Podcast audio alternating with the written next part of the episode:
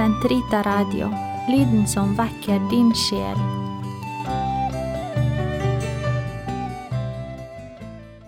Kroppens teologi, en kommentar til pave Johannes Paul 2.s onsdagskatekeser av Eirik Ambrosius Stenhoff. Totus tuus ego sum, et omnia mea tua sunt, archipio te in mea omnia, prebe mi cor tum Maria. Episode 5 Annen del av urerfaringene. Opprinnelig forening og nakenhet. Katekesene 8–13 Del 2 Ben av mine ben. Mer om opprinnelig forening. Katekesene 9 og 10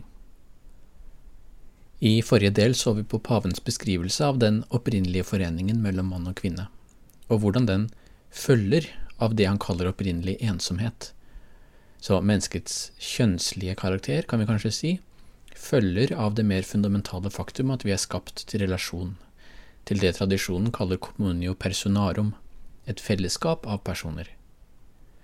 La oss se litt nærmere på hva det betyr konkret i relasjonen mellom mann og kvinne, med utgangspunkt i skapelsesberetningen. Paven tar utgangspunkt i Første Mosebok 2.23, hvor mannen utbryter at kvinnen som er blitt skapt, er ben av mine ben, kjøtt av mitt kjøtt. Endelig har mannen funnet sin make, sin hjelper, den som han ikke kunne finne i noen av de andre dyrene. Og dette uttrykket, sier paven, ben av mine ben, kjøtt av mitt kjøtt, vi kunne sagt kropp av min kropp, viser at kroppen er i stand til å avdekke eller avsløre personen, vise hvem vi er. Kroppen er det som gjør hvert enkelt menneske synlig for den andre. Men det interessante med menneskekroppen, kroppen til den menneskelige person, er at dens distinkte personlige karakter, som altså skiller oss fra de andre dyrenes kropp, erkjennes gjennom at den er en kjønnet kropp. Så det finnes ingen nøytral kropp som avdekker hvem hver og en av oss er for hverandre. Vår person kommer alltid til uttrykk gjennom en mannlig eller kvinnelig kropp. Paven sier at det vi kan kalle for en kroppens teologi, også, også nødvendigvis er en teologi om kjønn, en kjønnets teologi, eller en teologi om maskulinitet og femininitet. Foreningen mellom mann og kvinne hadde fra begynnelsen av en etisk dimensjon og en sakramental dimensjon, fortsetter paven. Og For det første så har jo Jesu henvisning til begynnelsen i Matteus 19 en klart normativ dimensjon. Det finnes en sammenheng mellom Guds skaperplan for mann og kvinne og ekteskapet slik det praktiseres også i en fallen verden. Ja, og for det andre, eh, sier paven, peker Paulus i Efeserbrevet, kapittel 5, på en vesentlig analogi mellom Kristus og kirken og mannen og kvinnen i ekteskapet. Så ordene ben av mine ben, kjøtt av mitt kjøtt betegner en ny bevissthet om kroppens mening, sier paven. Etter at Adam, mennesket, våkner opp som mann og kvinne, kan vi si, erkjenner han en helt ny betydning, ikke bare av den andres kropp, men av sin egen kropp. Men nettopp denne nye bevisstheten, sier paven, peker på en dypere realitet enn simpelthen den somatiske eller kroppslige strukturen som mann og kvinne. Den peker snarere på en ny måte, den mer fundamentale sannhet at vi er kalt til communio, som beskrevet i forrige del. Paven sier det som følger eh, Vår leting etter den eh, sitat, Vår leting etter den menneskelige identiteten til den som i begynnelsen er alene, må alltid gå gjennom dualitet gjennom kommunio. Sitat slutt. Så eh, våre kjønnede kropper er med andre ord to komplementære måter å være en kropp på og å være menneske på. Og disse ulike måtene å være kropp på fører også til to ulike bevisstheter om å være kropp.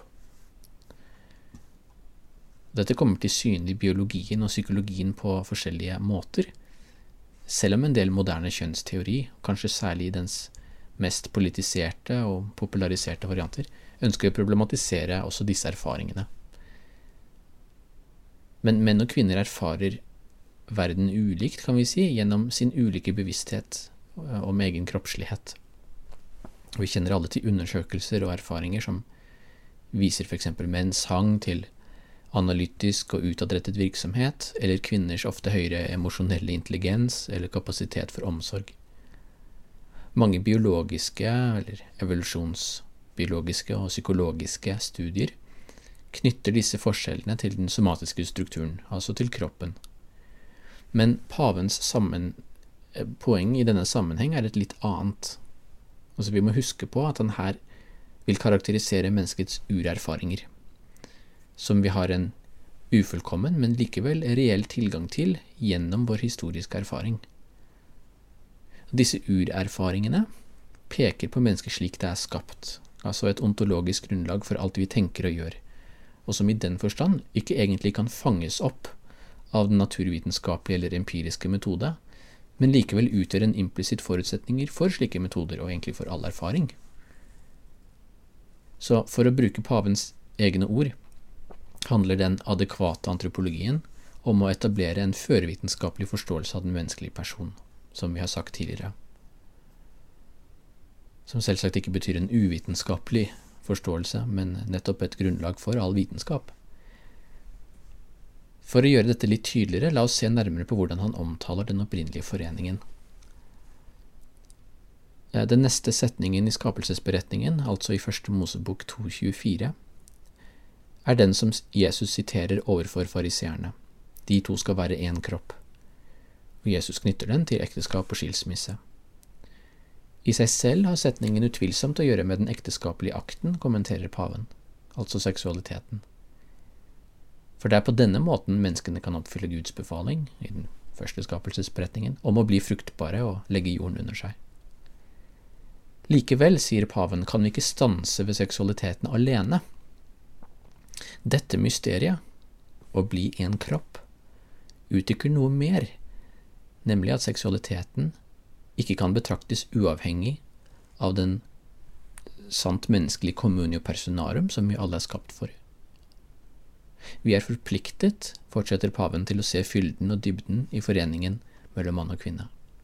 Den har en langt større betydning enn vi ofte anerkjenner, og på en særlig måte i vår kultur akkurat nå. For paven påpeker sammenhengen mellom vers 23 og 24. Først sier jo mannen etter skapelsen av kvinnen at hun er ben av mine ben, kjøtt av mitt kjøtt. Deretter følger setningen Derfor skal mannen forlate sin far og sin mor og holde fast ved sin kvinne, og de to skal være én kropp. Og eh, denne fremtidsformen på verbet de skal være, peker, sier paven, på denne muligheten til forening, at de skal bli ett. Og egentlig gir skapelsesfortellingen her uttrykk for noe formidabelt, noe som på samme tid egentlig forutsetter biologien og langt overskrider den, nemlig at mann og kvinnen gjennom sin kroppslige forening, den ekteskapelige handlingen, kan gjenoppdage skapelsens mysterium, altså vende tilbake til menneskets opprinnelige enhet, før oppdagelsen av at de er mann og kvinne, nemlig til oppdagelsen av at de tilhører den samme humanitet, hvor de, kan, hvor de begge kan si til hverandre du er ben av mine ben. Så den ekteskapelige eh, foreningen lar med andre ord, mannen og kvinnen gjenoppdage det første øyeblikket der de gjenkjente hverandre som likeverdige, men nettopp gjennom sin ulikhet. Og dette gir oss nye dimensjoner, både til distinksjonen paven gjør mellom opprinnelig ensomhet og forening, men også til hvordan vi vanligvis tenker om kjønnskomplementaritet, både i teologisk tradisjon og i den moderne samtalen om disse tingene. Paven uttrykker jo her at foreningen mellom mann og kvinne i ekteskapet er noe langt mer enn bare en videreføring av slekten, f.eks. Og kirkelig teologi, som vi vel vet, har hatt en tendens til å betone dette perspektivet på bekostning av alle andre perspektiver. Men det er jo i stor grad på grunn av at de historiske og intellektuelle forutsetningene simpelthen ikke har vært til stede. Man har ikke, før de siste tiårene, kunnet utvikle et personalistisk perspektiv, kan vi si, på ekteskapet og familien, og langt mindre på, på menneskets seksualitet og dens betydning. Så den ekteskapelige handling, sier pave Johannes Paul 2. her, har i realiteten en langt større betydning enn vi har tilkjent den, nettopp som en følge av at den dypest sett er en teologisk realitet, en reell deltakelse i det største mysterium av alle, nemlig Guds evne til å gi eksistens, til å føre nytt liv inn i verden. Så denne evnen er uløselig knyttet til menneskets grunnleggende vilkår i begynnelsen, sier han. For den ekteskapelige handlingen innebærer jo at mannen og kvinnen føres tilbake til dette grunnvilkåret til det aller første mennesket. Og det er dette paven mener med at den opprinnelige ensomheten ligger til grunn for den opprinnelige foreningen mellom mann og kvinne. Når mannen og kvinnen forenes, gjennomlever de på ny menneskets jomfruelige verdi, sier paven, som nettopp er en del av den opprinnelige ensomheten. I tråd med den kirkelige tradisjon fremhever han her at jomfrueligheten, altså ikke-kjødelig kjærlighet, alltid har en viss prioritet over den kjødelige kjærlighet. Først og fremst fordi mennesket er skapt for Gud. Kjærligheten til Gud er i den forstand den kjærlighetsform som all annen kjærlighet deltar i. Vi skal komme tilbake til dette i en senere episode. Som vi har sett, er foreningen på samme tid både en rekapitulering og en overskridelse av opprinnelig ensomhet. Og da ser vi lettere hva det betyr at mann og kvinnen blir én kropp. Som paven uttrykker det, det er den andres ensomhet, den andre, andre sin person, som i en forstand blir en del av en selv. Denne foreningen av to ensomheter, kan vi si, at av to personer, vil alltid være en forening som kommer av et valg, sier paven, nettopp fordi eh, selvbestemmelsen er en, noe av det som konstituerer personen som person, som vi har sett. Han legger stor vekt på dette valget i denne sammenheng. Som vi leser, og som Jesus gjengir overfor fariseerne, skal mannen og kvinnen forlate sin far og mor for at denne foreningen skal gjøres mulig. For dette er nettopp ikke en naturlig forening, men er knyttet til et valg foretatt i kjærlighet. Mannen kommer jo fra sin egen naturlige familie, og kvinnen fra sin. Men for å danne et nytt fellesskap, et nytt communio personarum, må mannen og kvinnen begge forlate sine respektive familier. Av denne grunn, kan vi si, er det jo viktig i den katolske teologiske tradisjon og i kirkeretten at ekteskap bare kan inngås mellom to samtykkende parter. Paven siterer Gaudium et spes 48, hvor det heter sitat, Det intime livsfellesskap i kjærlighet, som skaperen er opphav til og lovgiver for, oppstår ved ektepakten, det vil si et ugjenkallelig personlig samtykke. Sitat slutt. Dette valget, sier paven videre, samsvarer med den opprinnelige ensomhet. Så hva betyr det? Som vi så i forrige episode, snakker paven om tre dimensjoner ved den opprinnelige ensomhet, som konstituerer mennesket som person. Selvbestemmelse, selvbevissthet og kroppslighet. Så valget om å gå inn i ekteskapet til å bli en kropp hviler på denne personlige strukturen. Valget gir altså uttrykk for personens selvbestemmelse og selvbevissthet om seg selv som person, for det første, men det gir også uttrykk for menneskets kroppslige karakter. Den ekteskapelige foreningen forutsetter, sier paven, at mennesket faktisk har en moden bevissthet om kroppen. Og dette fører også til det han senere, og mot slutten av kroppens teologi, onsdagskatekesene, utvikler det han kaller en ekteskapelig spiritualitet. En bevissthet om kroppens betydning er et helt nødvendig vilkår for at man kan gi seg selv som gave innenfor ekteskapet. Nettopp fordi kroppen dypest sett er et uttrykk for muligheten for den gaven. Som Humane Vite uttrykker det, har kroppen både en unitiv og en prokreativ betydning. Den handler om forening og om forplantning. Og i en forstand har den unitive betydningen en viss prioritet, nettopp fordi den rekapitulerer en erkjennelse av hva mennesket dypest sett er, skapt av Gud for å gi seg selv i en autentisk communio personarum. I denne forstand um, gir pave Johannes Paul 2. et korrektiv til tradisjonen som likevel er i, i tråd med den.